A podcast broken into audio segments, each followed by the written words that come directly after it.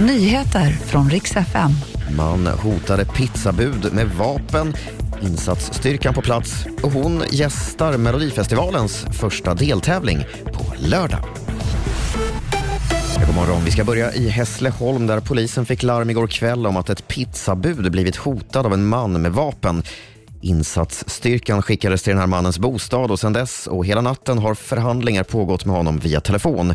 Både polisen och mannen själv har öppnat eld. Ingen ska ha kommit till skada i samband med den här händelsen. Så ska jag berätta att den svenske programmeraren Ola Bini frias från åtalet om dataintrång i Ecuador. I fyra år har han suttit fängslad i ett mål som av hans försvarare har kallats för politiskt motiverat.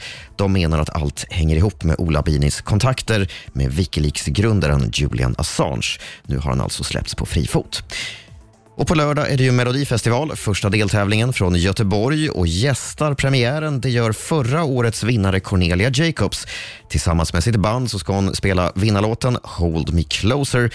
Det här är ju första gången sedan 2020 som Mello går på turné. Förutom Göteborg så får Linköping, Lidköping, Malmö och Örnsköldsvik påhälsning innan det blir final i Friends Arena i Solna den 11 mars.